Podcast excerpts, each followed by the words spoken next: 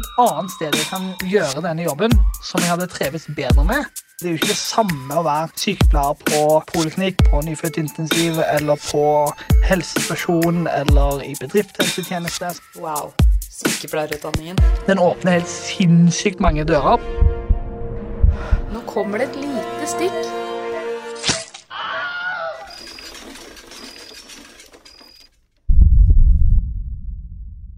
Velkommen til en ny episode av Hjelp, jeg er sykepleier. I dag så kommer den etterlengtede episoden om offshore-sykepleier. Så da sier jeg bare velkommen hit, offshore-sykepleier Borghild Kjosås. Tusen hjertelig takk skal du ha. Da har vi fått lyd på begge to, og tekniske problemer er av veien, får vi håpe.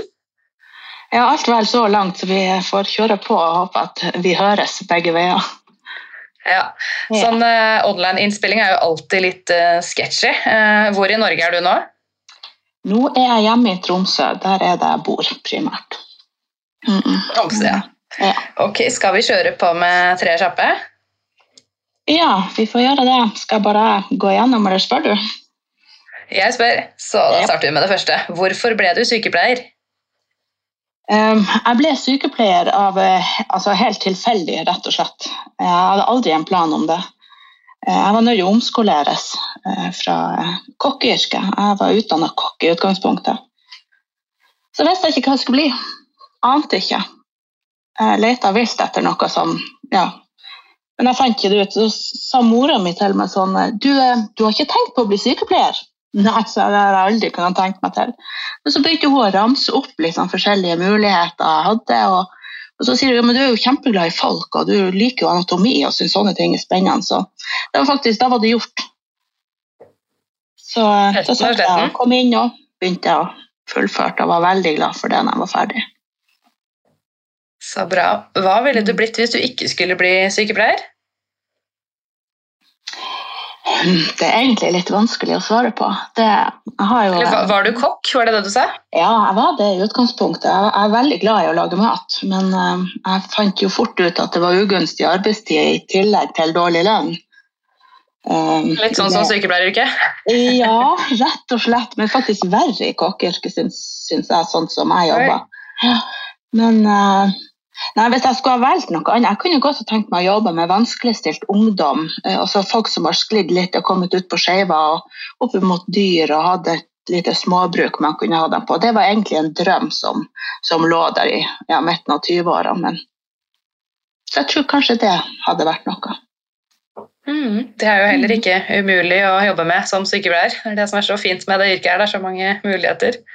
Det er det, men ja, nei, nå har jeg det i hvert fall prima sånn som jeg har det.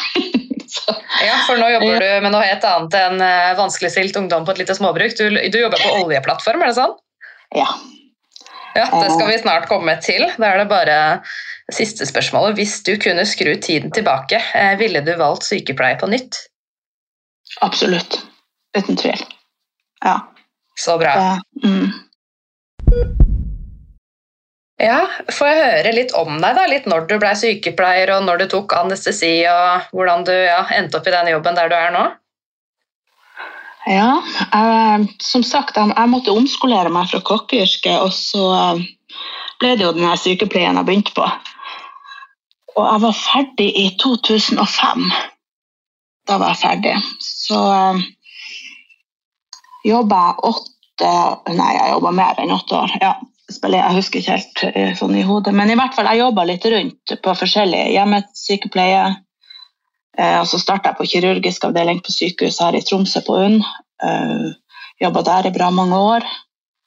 Og så begynte jeg i akuttmottaket. Og når jeg begynte i akuttmottaket, da hadde jeg en sånn liten sånn idé inni hodet mitt om at kanskje det var anestesisykepleier jeg skulle bli. Og hvis det ikke ble det, så skulle jeg bli jordmor. For det var liksom litt sånne selvstendige eh, altså sånn yrker. Altså du, du, jobber ikke så, så mye opp imot andre. Det, du, du, er mye alene for deg sjøl og må ta avgjørelser og tenke og være på. Så Jeg tror det var litt det som drev meg imot. Men um, jeg følte jo egentlig aldri at jeg fikk nok på ræva, som vi sier her nordpå. For man har jo lyst til å, å ja, kunne masse, eller masse, masse om det meste, men det, det, klarer man jo ikke. Så hvis man kan litt om mye, så, ja, så er man vel egentlig på en måte klar. Får, får seg noen år erfaring. Og så søkte jeg en gang på anestesi, og så kom jeg ikke inn. Og så søkte jeg igjen da ved neste opptak, og da kom jeg inn. Men jeg tok det på sånn eh, ikke via sykehuset da med bindingstid. For jeg liker ikke at noen skal holde meg fast. Nei, ikke sant? Jeg tror jeg også hadde hatt litt problem med det. Av det har sikkert ikke vært noe problem, for jeg bor jo her. Jeg jobber jo på sykehus uansett, men det var liksom det at det ville ta fra meg muligheten til å gjøre noe annet hvis den plutselig dukka opp. Så jeg tok det på, altså finansierte det sjøl. Ja, Sånn som eh, han eh, Torbjørn, som også har vært med i denne poden. Yes, han Torbjørn er jo da en kollega av meg fra sykehuset her. Eh, Så jeg jobba 50% ca. Altså i akuttmottaket, men de var utrolig fleksible og hjalp meg liksom å, å styre det her med vakter i forhold til ja, når vi hadde eksamensperioder og det var mye å gjøre på skolen. Så um, de bidro vel bare veldig godt inn til at jeg kom igjennom det med, med hodet heva. Mm. Men eh, hvordan eh, fant du denne jobben som offshore-sykepleier? Hva er det som fikk deg til å søke jobb der? Det er vel egentlig noe som har ligget liksom langt der bak det, og man har hørt om de her ute i Nordsjøen og jobb i oljen, gode ordninger, de tjener penger, mye fritid. Det var vel litt av det som var driven i det. Også det at liksom, det, her, det er litt annet, det òg. Det er ikke det tradisjonelle, typiske. Eh, og selvstendig. Du er alene. Det, jeg snakka jo med deg her tidligere i forkant av denne innspillinga, og eh, da jobba jeg jo på en SAR-base. Nå har jeg vært min siste tur på, på den, eh, på Johan Sverdrup, heter den. Eh, og på en SAR-base så er man bestandig to sykepleiere. For den ene eh, er oppe på helikopteret på search and rescue, og så er den andre på hospitalet. Så da har man, så lenge de er inne, så har man jo en å spille med. Men um, det er ikke det som er vanlig. Ja, for SAR det står for Search and Rescue, for de som ikke har hørt om SAR før. Mm, ja. Så, så Ja, som sagt, Jeg hadde jo en samtale med deg, og jeg stilte en del spørsmål. Jeg kommer til å stille mange av de samme spørsmålene igjen, fordi mine lyttere har jo ikke hørt på den samtalen vi har hatt på forhånd. Så kanskje vi bare kan ta det først som sist. Hva er egentlig en offshore-sykepleier? En offshore-sykepleier, det er um, For det første så må du ha en, en spesialisering, da. Og det, de som jobber ute i havet, det er jo Jeg sier ute i havet, det er plattform, ja. Det er- Oljeplattform? Ja, olje, ja. Ja. En eller annen plattform. Um, det er anestesi, intensiv, og så er det noen akuttsykepleiere også.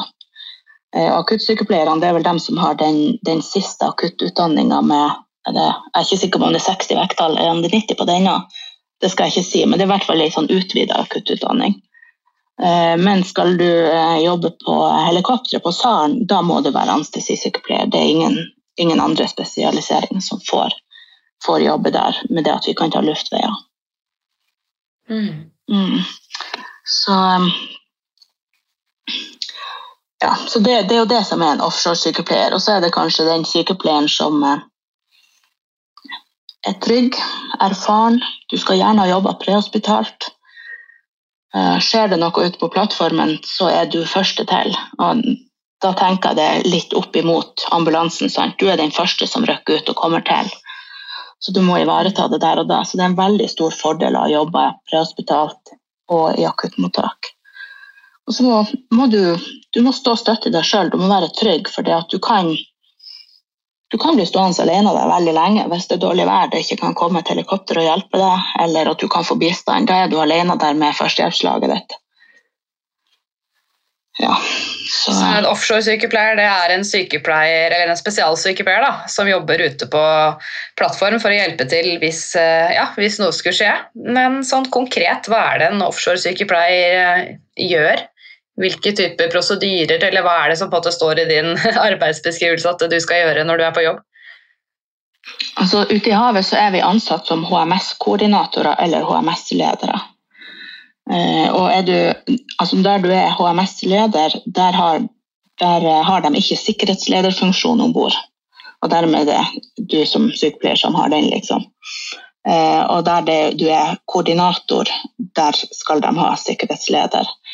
Så det er jo egentlig sånn i utgangspunktet så jobber vi mest med HMS. Så det sykepleierfaglige, det, det får vi egentlig lite av. Vi har jo det medisinskfaglige ansvaret om bord og eh, ivareta helse og miljø. Um, har en god del konsultasjoner. Og, ja. Så, så ja, den, den sykepleierbiten, den, den er liten, egentlig. Så det er på en måte ikke stell, pleie, mat og medisiner. Det, akkurat den delen den eh, utgår litt. Eller dere har sikkert noen medisiner der, men det er ikke den der faste medisinrunden? Nei, nei da, ikke, ikke, noen, ikke rumpevask og ingenting. det er liksom ingenting av de tradisjonelle sykepleieroppgavene er der, men uh, ivaretar jo mye. Det hadde gjort seg, så du skulle gått rundt og skifta bleie på disse mannfolka. Jeg regner med det er mest menn som, som jobber der. Det er ikke meninga å le av bleieskift, jeg bare, jeg bare, ser for meg et litt artig scenario i, i, hodet mitt. jo da, jeg skjønner det. Jeg ser den. Ja, nei, de er nok ikke skikka til å jobbe offshore, de som er i bleiekategori. Så man får være på lær. ja. Men hva er det som kan skje da, hvis du må på en måte rykke ut og gjøre noe akutt? Altså, ting kan jo oppstå. Nå er det jo som jeg sier, det er HMS det er et, et, veldig stort fokus på sikkerhet eh, og forebygging for å unngå skader, uh, ulykker. Men uansett hvor hardt vi jobber imot det, så, så, skjer det jo ting for det om. Det er jo mennesker det er snakk om, og klart det. Mennesker kan gjøre feil, og ting kan oppstå. Så det, det er alt ifra altså, kuttskader, klemskader, noen som trør over, ja, tilstander, akutte tilstander som kan oppstå. Det eh, skjer jo ute i havet òg.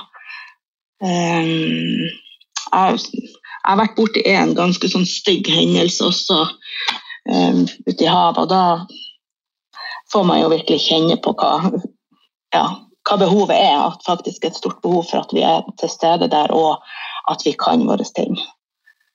Har du mulighet til å fortelle hva som skjedde? Ja, ikke sånn i detalj, det, det ønsker jeg ikke gjøre av hensyn. Ja. Men uh, jeg kan sånn kort uh, fortelle. det var denne Johan Sverdrup jeg har vært på, det er jo en veldig stor plattform. Uh, det er, nå Per i dag er det fem plattformer som står festa sammen med hverandre ute i havet. og den Plattform nummer fem kom på plass i fjor, og det var i forbindelse med ombygging for å, å få den på plass og kobla til at det, det, skjedde en hendelse da, med en stor stålkonstruksjon som hang i kran, i, altså i pendel, og traff et menneske i buken. Eh, og når jeg fikk eh, vi, da, vi var to sykepleiere da om bord pga. at det var veldig mye folk i sving og, og aktivitet der ute. Så eh, vi var to sykepleiere og fikk jo melding sendt om at det var skjedd ei ulykke, og fikk på radioen hva det var for noe. Og da er det veldig interessant å, å, å kjenne det at liksom, det, det, er en bryter som blir slått over inni deg. Da du kobler på et eller annet som du nesten ikke vet er der, før at det er behov. Uh, så da når jeg røkka ut, så tenkte jo jeg igjennom uh, ja, altså, hva kan jeg møte, hva kan jeg forvente meg, hva gjør jeg? Altså håndtering av et buktraume. Jeg så jo selvfølgelig for meg helt dit hen at det ikke var mer, mer å gjøre da. Men man må jo tenke eh, stort, rett og slett, for å kunne eh, ivareta på best mulig måte, så heller skalere ned og puste ut når man kommer frem.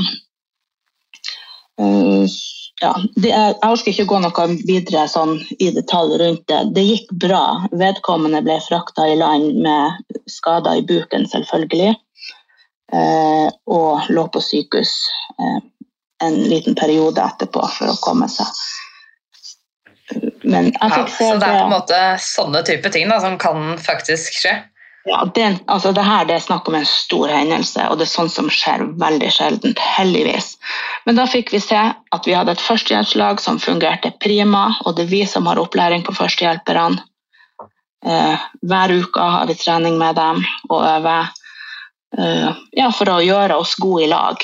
For vi er jo et lag. For det om det er som står med liksom, høyeste uh, si, tittel eller ansvaret når det kommer til det her, så, så er de kanonflinke og, og virkelig er på.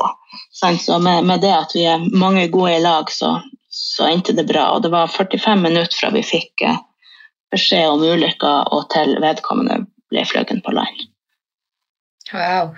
Kan ja. du fortelle litt om dette teamet? teamet? Du sa det jo litt i stad at noen er på sånn SAR-bas og noen er her og der. Men uh, vil du fortelle det litt uh, på nytt? Hvem er på en måte dine helsepersonellkolleger som du samarbeider med uh, hvis en sånn type ulykke skjer? Nå er det jo gitt litt hvor du er hen. og de fleste er alene ute i havet det, det, er kun de fire Jeg kan referere nå sant, det til Equinor sine plattformer, for det er der jeg er og jobber. Det er jo mange andre Equinor, ja.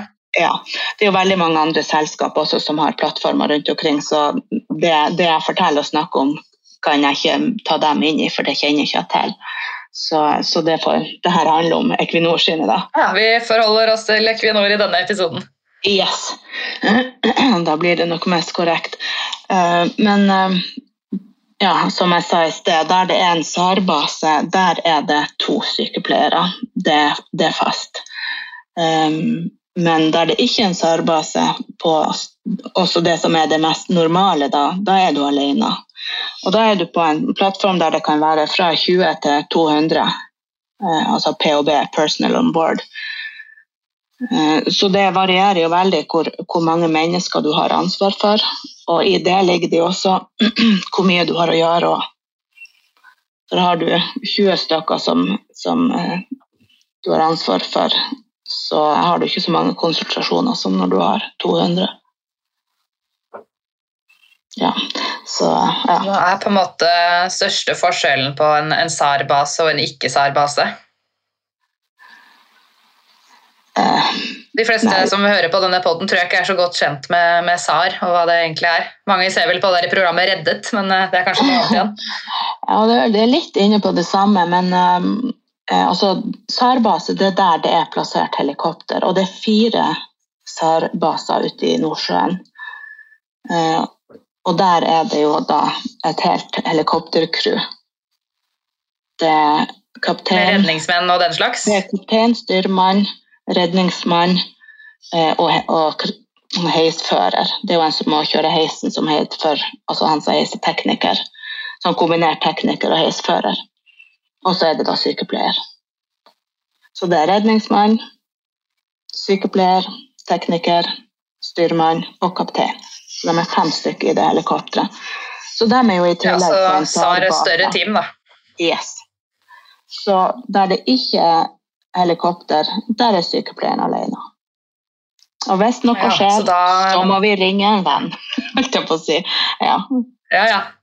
Så der er man enda mer selvstendig, da. Ja, der er du alene. Men eh, vi har jo eh, vaktlegefunksjon. Så hvis jeg får inn noen uh, ja, skal vi, skal vi si, han har et rødt øye som ikke ser så bra ut, så kan jeg ringe vaktlegen og forklare situasjonen. Og så kobler vi opp Medical Unit. Der er det både lyd og bilde. Så kan vaktlegen hjelpe med å se. Da kan vi undersøke sammen eh, og få råd og vink og hvilke medisiner han syns jeg skal gi. Eh, eller eventuelt om pasienten må evakueres på land. Så når sykepleier jobber alene, så blir man nesten litt som en sånn type helsesykepleier. Da. Man kan ta igjen holdt på å si, pasienter eller folk på kontoret, og så kan man konferere med lege over video. Mm, ja. Ja. Rett og slett. Og det, det, er veldig veldig kjekt. Spesielt når du sitter alene ute på en plattform, så det er utrolig kjekt å ha noen å konferere med. Selvfølgelig så kan du ringe kollegaer også ute i havet, men han har ikke den kompetansen over deg til å gi medisiner eller finne ut at kanskje denne pasienten skal på land, eller ja rekvirering av helikoptre. Jobber du primært eh, på sånn SAR, eller jobber du primært uh, alene? Nei, vet du, Det er kun Equinor sine egne ansatte som jobber på SAR. Uh, per i dag er det sånn. Uh, og jeg er ikke ansatt i Equinor, jeg er ansatt i Semco Maritime Drift. Og de leier ut sykepleiere, primært til Equinor. Mm. Mhm. -hmm. Jeg jeg- prøver å forstå dette. Ja, det, det, altså det er litt vanskelig. Ikke litt, det er veldig vanskelig egentlig å forstå man, når man ikke er der sjøl. Så, så hvis du skal være SAR-sykepleier for Equinor, så må du være ansatt hos dem. Og så det jo ei, Så denne episoden skal da ikke primært handle om SAR, men eh, din jobb som Min. sykepleier alene på plattform. Ja, jeg tenker det blir mest rett. Yes, Da har Ja. vi på en måte bare gjort det klart. Yes, jeg er ikke SAR-sykepleier. Nei, For da kan jeg lage en egen SAR-episode senere. Mm.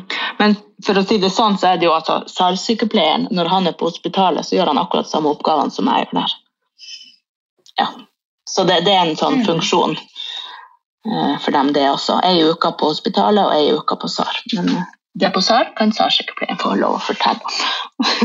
Ikke sant. Men ja, Hva var det det het der du jobba? Johan Sverdrup? Ja, jeg har vært på Johan Sverdrup i ja, nesten to år. Men eh, nå, nå skal jeg ikke tilbake dit foreløpig. Mhm. Mm. Hvor på kartet er det det ligger? Eh, Da tar man helikopter fra Sola, Stavanger. Ja, Det er Stavanger eh, oljebyen, som jeg kaller det. I Sola, ja, det er det. Og da er det 45 Mm. minutter med helikopter ut til Johansberg. Så når du skal på jobb, så er det helikopter som frakter deg inn. Mm. Helikopter begge veier, ja. Mm. Men uh, hvor lange er, er liksom arbeidsdagen, og har du det greit? Har du et eget soverom? Eh, Fortell, ta meg med inn i, jobben ja, din, Mugil. Ta meg med på plattformen. Eh, Ja. eh, alle har egne lugarer. Eh, før covid så var det litt sånn her at de hadde sånne dubletter. Eh, og Da var det to som delte lugar. og Da var det en som gikk dagskift og en som gikk nattskift som delte. sant? Så, så, så det var noen som sov på den lugaren hele tida. Men etter covid så er vi så heldige at vi har egne lugarer. og Det er som et, altså, det er en seng og en skrivepult og et skap, og så har man da bad med toalett og dusj, som er sitt eget. Mm. Man får litt privatliv.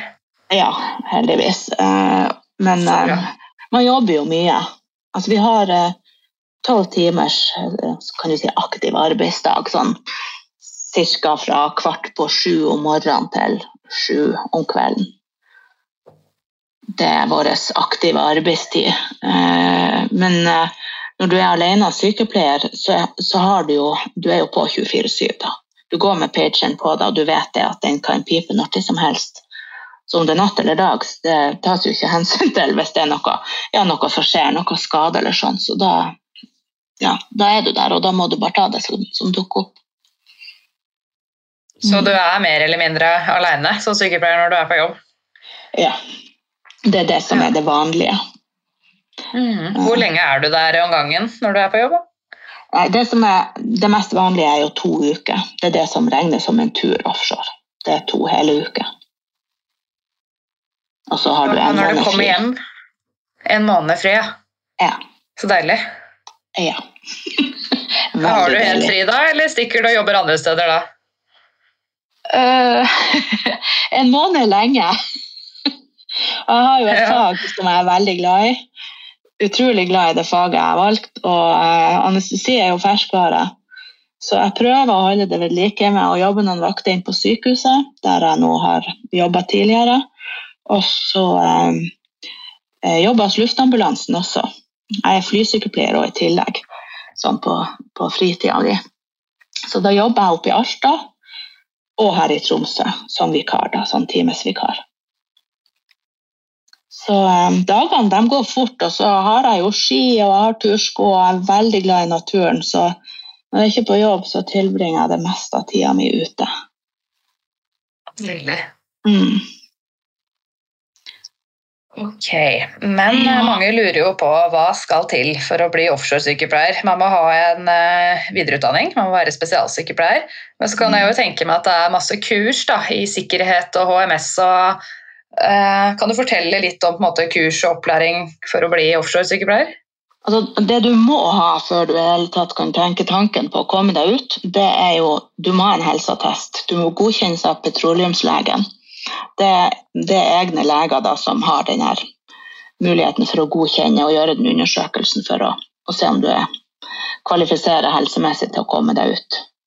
Eh, og så må du ha sånne grunnleggende sikkerhetskurs og beredskapskurs for offshore. Og der er det jo Det er ei uke av det kurset, altså fra mandag til fredag.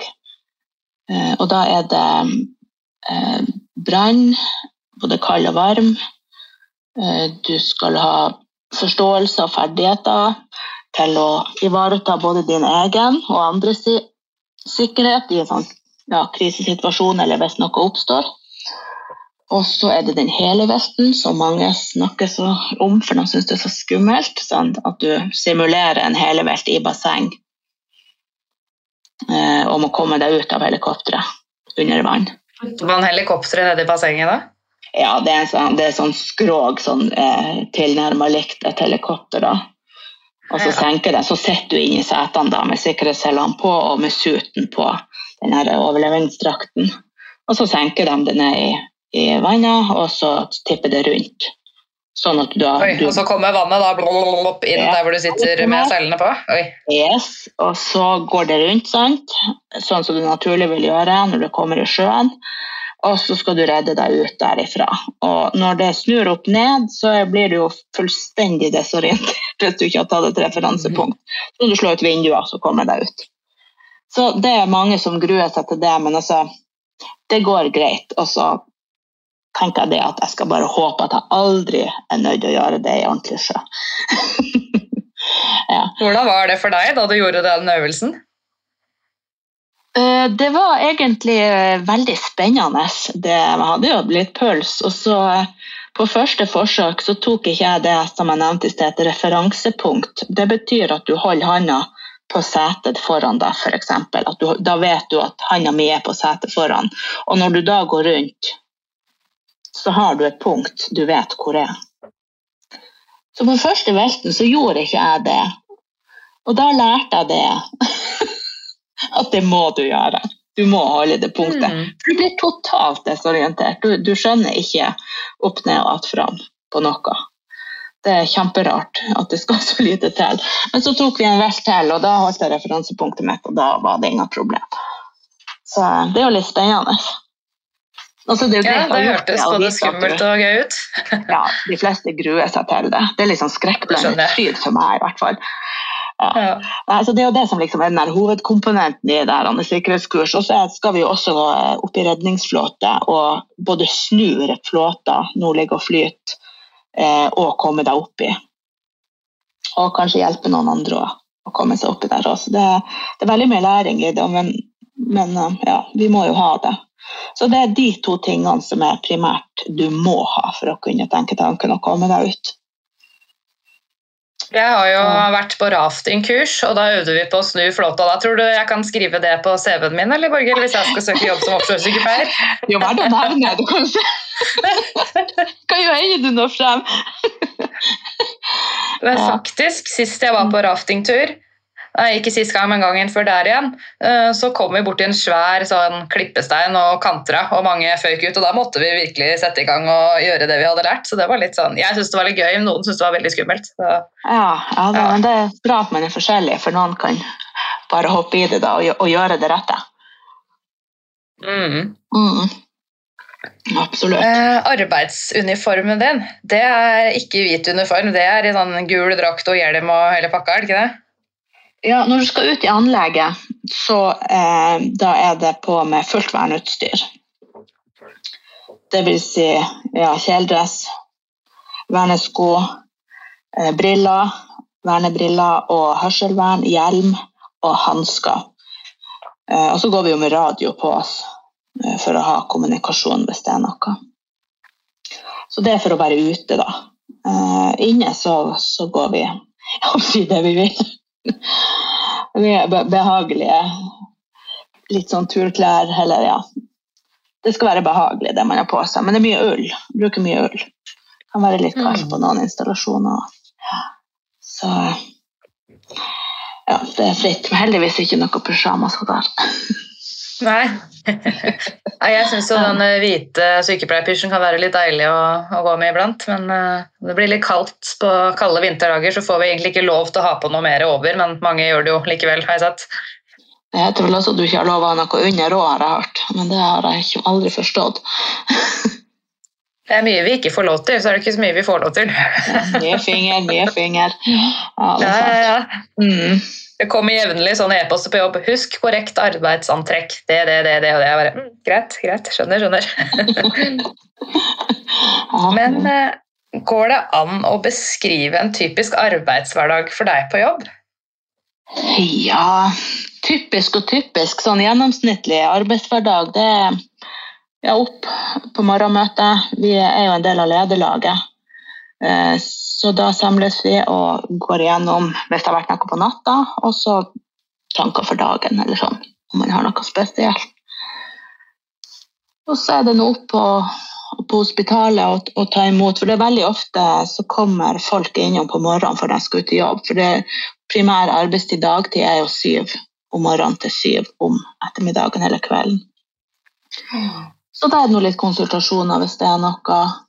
Vi, eh, perioder på året så har vi eh, også mye at vi tar audiometrier, sånne hørselstester, og spirometri. Det er å sjekke lungekapasitet og de her tingene for redningslagene og sånn.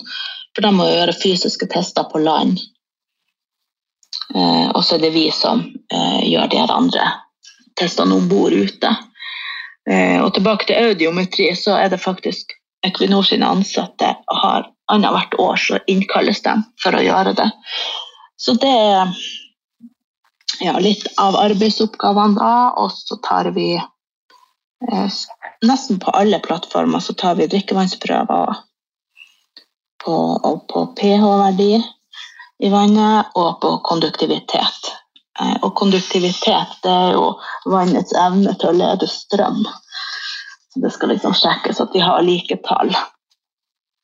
Så man registrerer inn. Litt sånn fysikerarbeid oppi det hele her? Ja da, det er veldig sånn. Det, det er mye forskjellig vi gjør der. Vi har jo det med, ja, med vannet jeg sier, vi har eh, litt sånn ansvar for kjemikalier. Vi ser over arbeidstillatelser. Eh, og det at vi ser over arbeidstillatelser, det er jo for det første at de har søkt dem rett. Og så er det jo Da kan jeg danne meg et bilde av hva som skal foregå ute den dagen.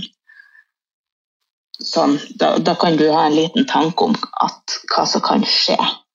Hvilke skader det kan bli, eller hva du kan forvente deg. Da, som sier Hvis noen som skal pikke masse rust, sånn sandblåsing eller pikke rust, så da, da kommer de inn med rusk på øyet. For det, om de har vernebriller, så spruter det litt mm. over. Ja. Så um, ja. Jeg vet ikke hvor mye mer Kan du hjelpe til med det? Skyller du øyet deres? Ja, som regel de er veldig flinke, og vi har mye øyeskyld som står rundt omkring, så som regel primært så har de vært først og funnet sånne øyeskyldflasker og skjølt godt, og så kommer de inn sånn at vi kan se på øyet deres ordentlig og eventuelt farge det for å se om det ligger noe fast på øyet. Vi har sånn fargestoff vi kan ha på. Eh, sånn gult, altså det drypper øyet, så blir det gult, og så markeres det jo med en sterkere farge hvis det ligger et rusket fremmedlegeme inne på øyet. Og da må vi fjerne det hvis det bare ligger og flyter sånn på, eller at man bare skjøller mye mer. Så ja, det er sånn som, som fører til sånne små arbeid for oss. Mm. Jeg kom til å tenke på det, sier du tar hørselstest. Det gjorde jeg av de nyfødte babyene da jeg jobba på nyfødt intensiv, så det, det er det forholdet jeg har til hørselstest. Kanskje på en litt annen måte, men det er jo en del av det, det òg. Ja. ja. Det er viktig å ha hørsel. Mm. Det er det. Og så planlegger vi jo Vi har jo, som jeg, som jeg nevnte tidligere, også eh, ansvar for førstehjelpsundervisning. Både til førstehjelpslaget, til elektro, eh, til livbåtførerne, eh, mann over bordbåt. Det er jo ulike altså, grupper om bord, så vi har undervisninger retta opp imot de ulike, sånn som elektro elektrikerne de, har, de underviser vi også opp imot. Hvis de får strøm i seg, hva gjør du da, hva tenker du? Ja. Og ABC, ABC og HLR.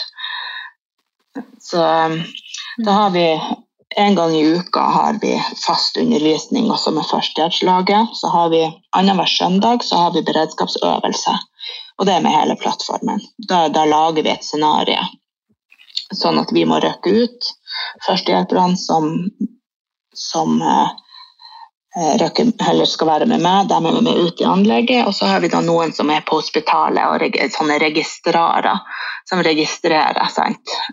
Forløpet, i tillegg til dem i beredskapssentralen.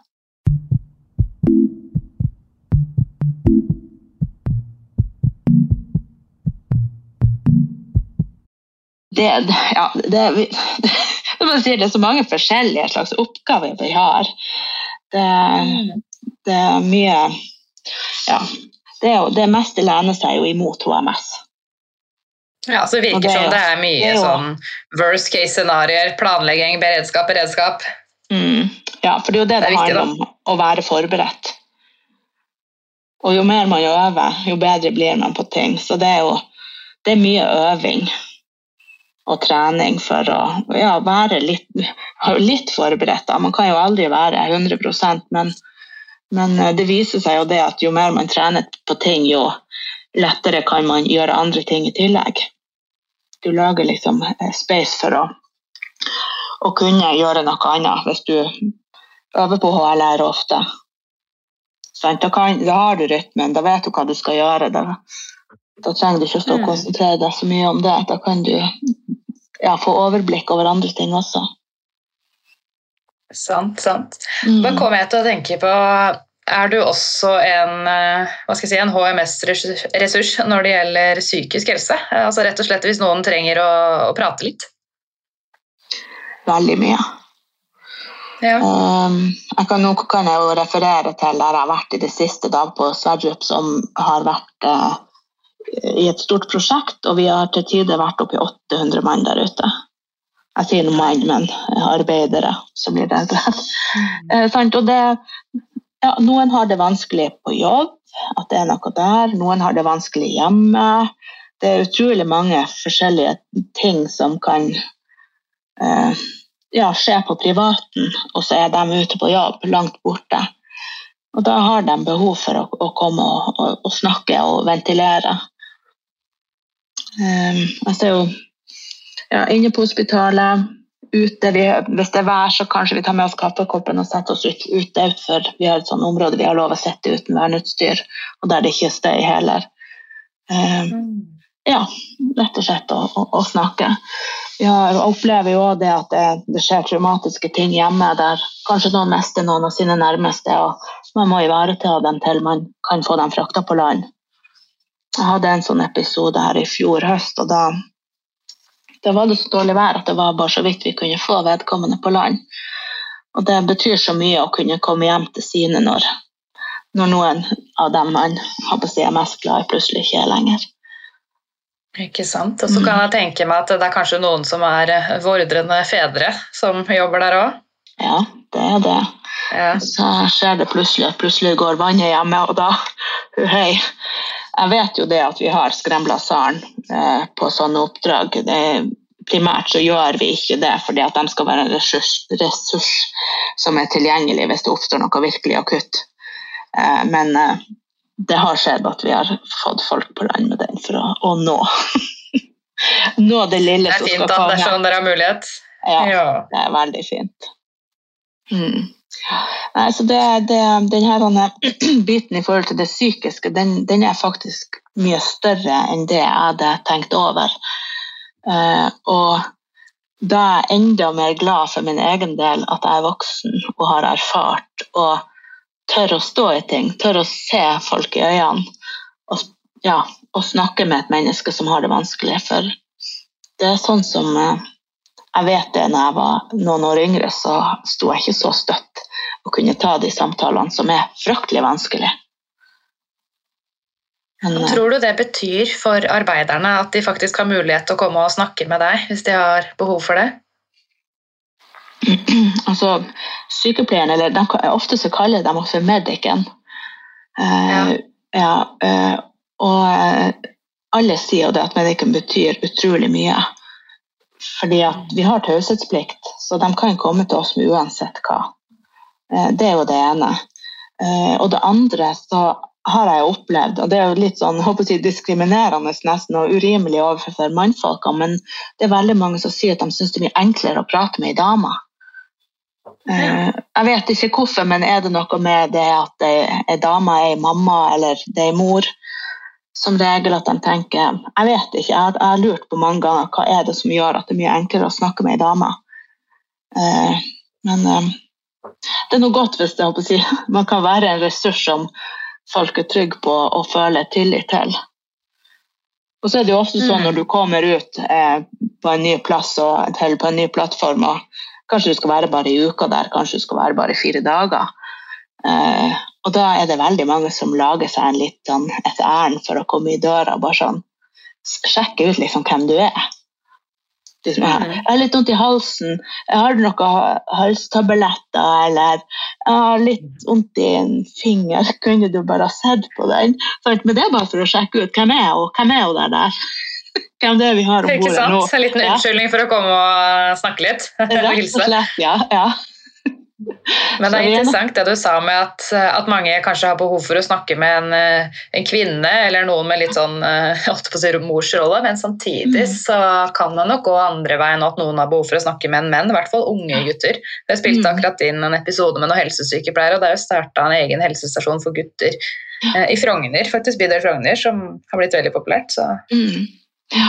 ja. det er jo selvfølgelig det er jo forskjellig, sånn, men det er liksom de si, tilbakemeldingene jeg har fått hos mange. Men det betyr jo mm. ikke det at de trenger bare ei dame, men, men uh, det er jo ofte det er jo, det er mye voksne, altså voksne folk som jobber ute i havet òg. Som over 50, 50 pluss. Og uh, de opplever også, spesielt damene der innenfor den uh, alderskategorien, er veldig sånn Syns det er veldig ok å komme inn og snakke med meg. Det kan jeg tenke meg. For eh, mm. er det mest menn som jobber ute på plattformen, eller? Ja, det er nok det. Eh, jeg har tatt meg sjøl i noen få ganger sånn at jeg plutselig har oppdaga at kanskje iblant mellom 15 og 20 stykker som sitter i et møte, så er det jeg enten jeg alene eller så er det to damer der sånn plutselig at du legger merke til det. Jeg har liksom ikke noe fokus på akkurat det, for det spiller ikke noen rolle for meg om jeg jobber sammen med dame eller menn. Men plutselig kan du legge merke til det. Bare sånn Hæ, oi, jeg er jo alene sammen med alle de mannene her. Ja, ja. Ja, for jeg kan jo tenke meg, Du kommer jo fra sykehus, ikke sant? klassisk sånn eh, kvinnearbeidersted. Eh, mange sykepleiere har mange kvinnelige kolleger, men når man kommer ut på, ut på plattform, så, så snur det litt det snur veldig.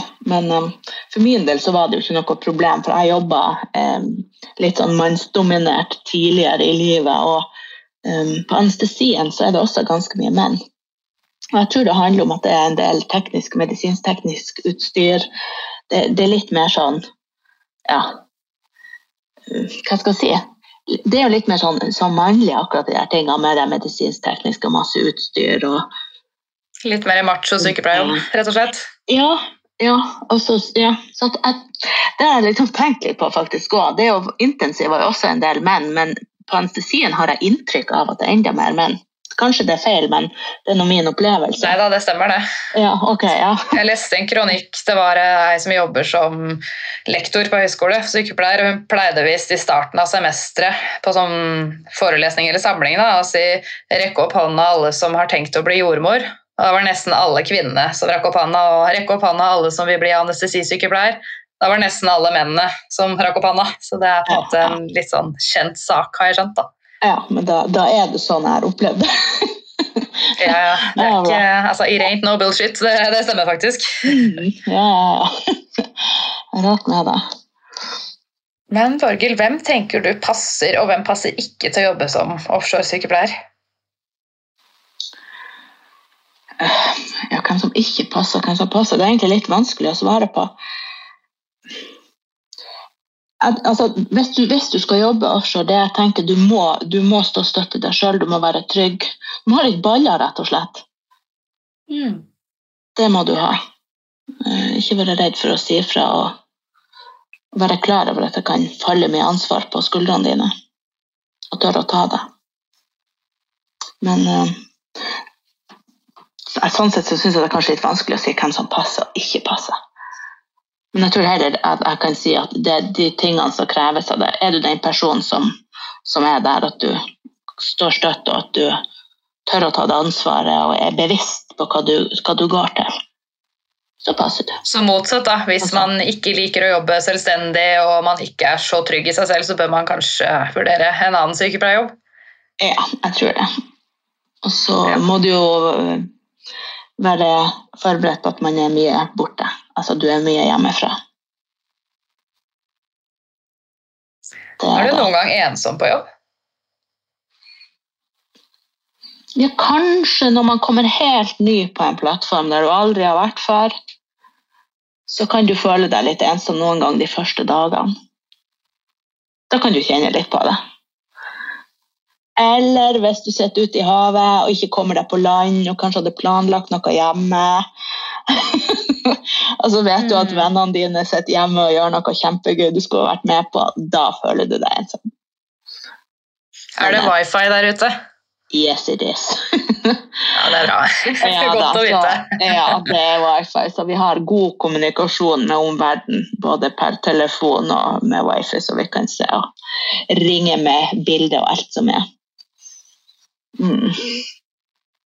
Skal vi hoppe over til eh, Q&A? Oh yeah. Ja. Litt mer. Skal vi se, Det kan jo hende det er litt sånn spørsmål som du allerede har svart på, men uh, yeah. her er det noen som spør Jobber du på forskjellige plattformer, og er dere et fast team som jobber sammen? ja. Jeg jobber jo på forskjellige plattformer, og det er fordi at jeg er vikar. Er du fast eh, ansatt, så har du som regel én plattform der du hører til. Det er liksom din plattform, og der jobber det faste sykepleiere. Så én på hvert skift. Så Så Så du er i et vikarbyrå? ja. Så når jeg tenker om man er et fast team, så ja, de som går fast, de er jo et team som er et visst antall sykepleiere som jobber sammen og deler på den plattformen. Hvilke andre plattformer er det du har jobbet på? Jeg skal begynne å ramse. Nei, jeg har vært på veldig mange forskjellige plattformer. Eh, Jeg kan jo si altså, det, det er jo noen forskjellige typer plattformer. Du har jo flyterigger, og så har du dem som står fast. En flyter, han, når det er vind, så beveger den seg. Det er noen som eh, blir sjøsyke når de er på de plattformene. Eh, og så har du jo ja, så har du jo der det er eh, altså en, eh, der det er både boring og gassproduksjon. Så det er litt sånn forskjellig. Ja. Noen spør er det mye ansvar alene. ja, det er det. Ja. Uten tvil. Spør noen syns du lønna står til arbeidet. Jeg klager ikke på lønna. Det gjør jeg ikke. Overhodet ikke. Den står eh, det, Altså Som på land så er ikke grunnlønna all verdens. Men eh, det er mye tillegg, det er mye overtid. Alle kursene vi tar og alt sånt er jo på fritid, og det betyr at vi får overtid for det. Så sånn summen totalt på året, ja, så tjener vi bra. Det er jeg veldig fornøyd med. Er det lov å spørre hvor mye du tjener, eller? Folk blir kanskje litt nysgjerrige her. Nei, det er ikke lov å spørre om. Det er veldig variabelt. Altså, det varierer fra selskap til selskap og ja, etter hvor mye man jobber og hvor mye overtid man har. Så det tror jeg vi la ligge. Kan ikke gi meg litt, da? Er det 50 000 mer, 100 000 mer? Jeg blir så nysgjerrig, Borghild. Mer enn hva? Mer enn vanlig grunnlønn for anestesi, da. Fordi ja, den er vel på en eh, 600 000 i året ish, tror jeg, med tillegg. Jeg tror, ja, jeg tror ikke det er noen eh, offshoresykepleiere som tjener under en million. Oi, oi, oi. Så det, Greit det, det å vite, folkens. med det. Det får bli med det. Ja, nei, men eh, jeg er fornøyd med det svaret. Skal vi se, det var et spørsmål her. Er det kun anestesisykepleiere som kan jobbe som offshoresykepleiere, eller kan sykepleiere med annen master videreutdanning også jobbe? Du nevnte jo at også intensiv- og akuttsykepleiere kunne. Mm. Men kan man jobbe der hvis man er f.eks. paramedic eller den slags, eller er det liksom sykepleier, det er det man skal være? Uh, nei, nå refererte jeg litt tidligere til at det er primært anestesi, intensiv og akutt. Men jeg har sett i eh, utlysninger fra andre selskap enn Equinor at de kan vurdere eh, om du har erfaring, kvalifikasjoner som de mener er tilstrekkelig for det deres ønske. Ja. Men eh, primært så er det anestesi, intensiv og akutt. Ikke sant. Mm. Ja, hvordan er turnusen, og jobber dere sykepleiere samtidig, eller tar dere f.eks. halve døgnet hver? Eh, Det har du vel egentlig svart på? Ja, det har jeg svart på. Så er du alene, så, så er du alene, og da har du vakt hele tida. Da er du på all the time. Eh, turnusen, en ordinær turnus sånn i Nordsjøen, er jo vanligvis to uker på og fire uker fri. Når du går inn i en vikarpool, sånn som jeg er akkurat nå, så har jeg fem uker der jeg er disponibel. Eh, og i de fem ukene så kan jeg kalles ut på jobb etter behov. Eh, og når de fem ukene er over, så har jeg en måned fri. Mhm. Så akkurat sånn som nå, så har jeg hatt fri siden 21. desember. Deilig. Mm. Hva ble du mest overrasket over da du, da du startet å jobbe offshore? Eh, det jeg ble mest overrasket over, tror jeg, det var hvor himla mye sånne systemer det er. Ja, nå snakker jeg om Equinor sine installasjoner. De har eget journalføringssystem når det kommer til pasienter. Um, helt annet system der vi registrerer inn og vi tester alt det medisinske utstyret vårt. Um, timeføring, bestillinger, kjemikalier. altså Alle disse tingene har egne system som aldri hadde vært borti før. Så um, det, det var veldig sånn overveldende og nytt. Jeg følte at her kan jeg ingenting. Da jeg jobba i to måneder, så sto jeg og tenkte jeg kan ikke en jævla skit. Jeg kan ingenting. Og det var helt forferdelig. Og jeg, jeg tenkte til og med en gang hadde noen kommet med en avkappa arm, så hadde jeg visst hva jeg skulle gjøre. Det hadde vært helt konkret. Det kunne jeg håndtert. Istedenfor alle de systemene. Men det går seg til. Man lærer underveis. Så det var, det var forferdelig. Det var forferdelig. Men det ordna seg til slutt. Eller ikke til slutt, da, men det er underveis. Jeg håper man får eh, opplæring, da, eller var det bare sånn vær så god, dette får du finne ut av sjøl? Um, det var jo litt sånn covid-prega når vi begynte å jobbe for to og et halvt år siden. Eh, så vi fikk jo litt sånn annen si, opplæring. Det var mye på nett. Eh, veldig mye på nett. Eh, og, men jeg var veldig heldig, for jeg fikk, eh, fikk komme ut i havet da på eh, Jeg var faktisk på en plattform som heter Kristin. Jeg reiste ut fra Kristiansund, og der var hun ene sykepleieren som jobba der. Hun forbarma seg over meg og så sa hun, vet du hva, vi ordner sånn at du får være her i to uker og få opplæring på samme plassen. Istedenfor at jeg skulle reise til en annen plattform. Så hun, hun, ja, hun er gull verd. Um, men to uker opplæring er jo egentlig ingen verdens ting. Men da var jeg liksom Nei, det burde kanskje vært to måneder. Eh, ja, absolutt. Men eh, man, man må bare ta ansvar for egen læring og, og spørre og ringe rundt og finne ut av ting. Man finner ut av det meste, bare man ikke er redd for å spørre. Eller å trykke og lete på PC-en. Så eh, ja, det meste ordner seg, men, men eh, det tar litt tid, og du må ikke være redd for å, å spørre. Sånn, sant, så man må være litt på, rett og slett. Ja, du må være veldig på.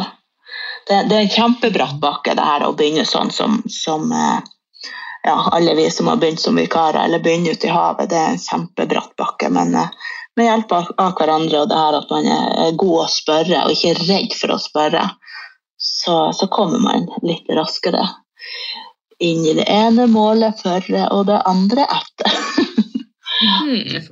Mm, Er det vanskelig å få jobb som sykepleier offshore? ja. Ja. Det er et lite nåløye. Um, som regel som, eh, så må man, man må bli anbefalt av noen. Uh, sånn er det der jeg er ansatt. Uh, du må ha anbefaling helst fra to stykk. Eh, og jeg vet jo også i Equinor, når de lyser ut stillinger der eh, Jeg vet i fjor så var det utlyst Jeg husker ikke om det var om det var ti stillinger som var utlyst, men det var flere hundre søkere. Ja, for det var det neste jeg skulle spørre om, om det er mange som søker på disse jobbene. Ja, det, det er enormt mange som søker, men klart, det, det er spennende. Så det er vel mange som har et ønske om mer fritid, litt, Mm. litt bedre økonomi, og de fleste selskapene har jo også veldig gode forsikringsordninger og pensjonsordninger og sånne ting, og og det må man jo tenke på. Det må alle tenke på, spesielt dere som er litt yngre. Veldig viktig. Uff. Ja, yes, absolutt. Nei, men det er viktig. Så klart, det, det er fint å ha jobb i et stort, trygt selskap. Sant? Det er det. Du mister ikke jobben din da heller. Da er du sikra. Kjente du noen som jobba offshore før du søkte jobb selv? Ja. Det er to Mm. tidligere kollegaer av meg som, eh, som anbefalte meg inn. Så det var vel eh, medvirkende til at jeg fikk jobb der. Jeg tror ikke så mange tenker over at sykepleiere kan jobbe offshore. Det er litt sånn man får vite om etter hvert når man har vært litt i yrket en stund. Ja, jeg, jeg, si, jeg tror ikke jeg kjente noen sånn før.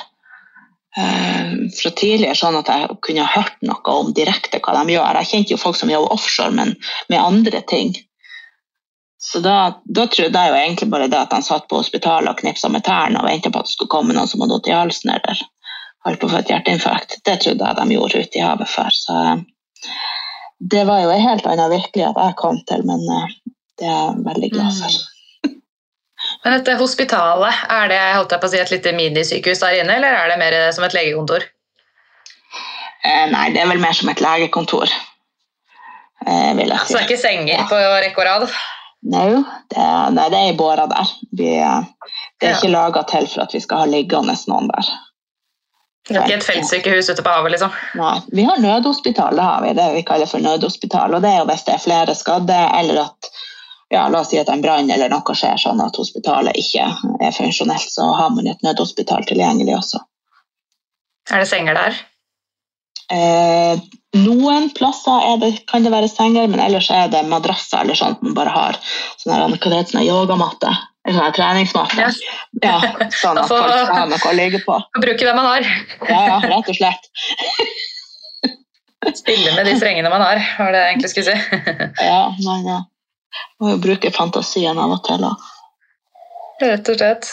Mm. Ja, da var det det siste spørsmålet. Vil du si topp tre positive og topp tre negative ting med å jobbe som offshore-sykepleier? Topp tre. Ja, skal vi se. Um, det ene er jo um, ja, at man får lov å jobbe selvstendig og jobbe opp imot uh, de førstehjelperne som er bare unike mennesker, stort sett. Det er vel en eh, nummer én. Eh, nummer to er at du reiser ut. Du vet du skal være der eh, ja, den, den tida, altså si nå to uker. Eh, du trenger ikke å tenke på eh, middag, og du trenger ikke å tenke på at du skal vaske stuegulvet, eller eh, Ja, du er fritatt for ganske mange sånne der eh, hjemmeting. Eh, og så det tredje masse, masse flotte folk. Altså Ja, jeg møter jo folk fra hele Norge og fra utlandet, og kjempespennende. Jeg er så glad i folk. sant? Er det et bra arbeidsmiljø der? Ja. Absolutt. Ja. Så det, det er veldig ok. Og som regel, medicen blir veldig godt tatt vare på. Fordi at du, du har en veldig viktig posisjon ute der også. Du er, du er en sånn alle vil skal ha det bra. Så det, Snakker de fleste norsk der, eller er det mange du må snakke engelsk med? altså I utgangspunktet så skal eh, alle være, eller forstå norsk. Eh, og det er med tanke på beredskapssituasjoner og alt som står. Altså, det er mye plakater, oppslag rundt omkring. Eh, så de skal kunne forstå norsk. Men eh, det er jo ganske eh, mange som ikke snakker norsk. Altså, jeg tror De forstår mye norsk, men de foretrekker å snakke engelsk. Hmm. Mm. Så da må vi bare Ja, briljere litt. Ja. Da er vi gjennom, Mm. faktisk. Er det noe Ja. mer du vil legge til som vi ikke har fått snakket om? Så du tenker at eh, filteren, det der skulle jeg gjerne sagt noe om? Jeg tenkte litt på egentlig det her med at altså, vi får utrolig mye kurs, altså veldig mye kursing. Eh, og det går jo litt innenfor de her tingene jeg har nevnt eh, i arbeidsoppgavene våre. Eh, ja, støy, eh, ergonomi, mattrygghet. Vi har eh, Annethvert år har vi sånn her er medical workshop, og det arrangeres der av Equinor. Så alle som jobber innenfor helse, kommer dit. Og så går vi gjennom caser, vi har forelesere. eh, opp mot, nå hadde vi om søvn, psykiatri. Altså, så vi, vi får si, mye gratis. Og så har vi ei hel uke med clinical skills, og det har de døpt om til medisin for speed. Der, der er alt fra akutt abdomen og til eh, strukturering. Vi, vi må jo lære oss å strukturere, sant. Eh, Så vi har ei hel uke der, altså, der vi, vi får opplæring. Så det er en veldig, veldig bra ting som eh, jeg syns man skal putte inn i det her. At vi, vi får mye kursing, vi får mye læring. Til sammenligning med hvordan jeg hadde det når jeg jobba på sykehuset. Så er det et Det virker som en veldig lærerik arbeidsplass. Ja, det er det, og det er jeg utrolig takknemlig for. Eh, og med det at de holder oss sykepleierne oppdatert og kurser oss opp, sant? så kan vi formidle det til førstehjelperne våre, samtidig som om at vi blir bedre. Mm. Tror du noen arbeidsplasser, sånn klassiske sykepleierjobber, sykehus, sykehjem, at det er noe de kan lære fra offshore? På hvordan de på en måte ja, kurser og drifter sine sykepleiere der? Ja, altså, du, du, får jo mer fornøyde. Vi blir jo mer fornøyd når vi får tilført noe Uh, ja, gjennom kursing og samlinger og sånne ting. Uh, man kan dele erfaringer. Og hvor mye sånn fikk man på sykehuset? Nå er det to og et halvt år siden jeg slutta fast å jobbe på sykehuset. Uh, jeg føler jo det at ja, selvfølgelig har jeg utvikla meg mye mer på å komme på en sånn plass å jobbe, men med all den kursinga jeg har fått utenom oppimot det vi jobber med ute, så klart jeg jo Ja. Du, du vokser jo som menneske også. Så ja. Dette høres veldig, veldig spennende ut. Jeg gleder meg til å slippe episoden. Så håper jeg at jeg kan ta kontakt med deg igjen etter hvert og kanskje lage en episode til om jobben din i luftambulanse. Ja. Til lands og til vanns og i lufta med. Vi skal få det til. Du er overalt, i lufta og i vannet på sykehuset, Borghild is everywhere. Ja, det er blitt litt sånn, men jeg, jeg trives på den måten. Da har jeg det bra. Det er bra. Mm. Nei, men Borghild, tusen hjertelig takk for at du gjestet eh, Hjelp, jeg er sykepleier. Ja, tusen takk for at jeg fikk være med, og så håper jeg det kan bidra til litt forståelse og innsikt for dem som hører på. Det tror jeg så absolutt. Mm. Tudelidu! Takk for at du hørte på Hjelp, jeg er sykepleier. Hvis du likte episoden, blir jeg veldig glad hvis du vil dele den videre på relevante plattformer. Jeg blir også veldig glad hvis du vil anbefale den videre til venner, kolleger, medstudenter eller andre folk du tror kan få glede av denne podkasten. Hvis du vil få varsling neste gang det slippes en ny episode av Hjelp, jeg er sykepleier, så er det bare å trykke på abonner-knappen her hvor du hører på podkast. Hvis du vil komme med ønsker for podden, eller gi meg tips eller tilbakemeldinger, eller bare følge meg og mitt podkasteventyr, så er du hjertelig velkommen til å følge Hjelp jeg er sykepleier på Instagram. Hjelp jeg er sykepleier er også på Facebook, men det er på Instagram det er desidert mest aktivitet. Der har du også mulighet til å stille spørsmål til Q&A til fremtidige gjester av podden. Du kan også sende meg en mail, og mailadressen til Hjelp jeg er sykepleier står beskrevet i hver episodebeskrivelse.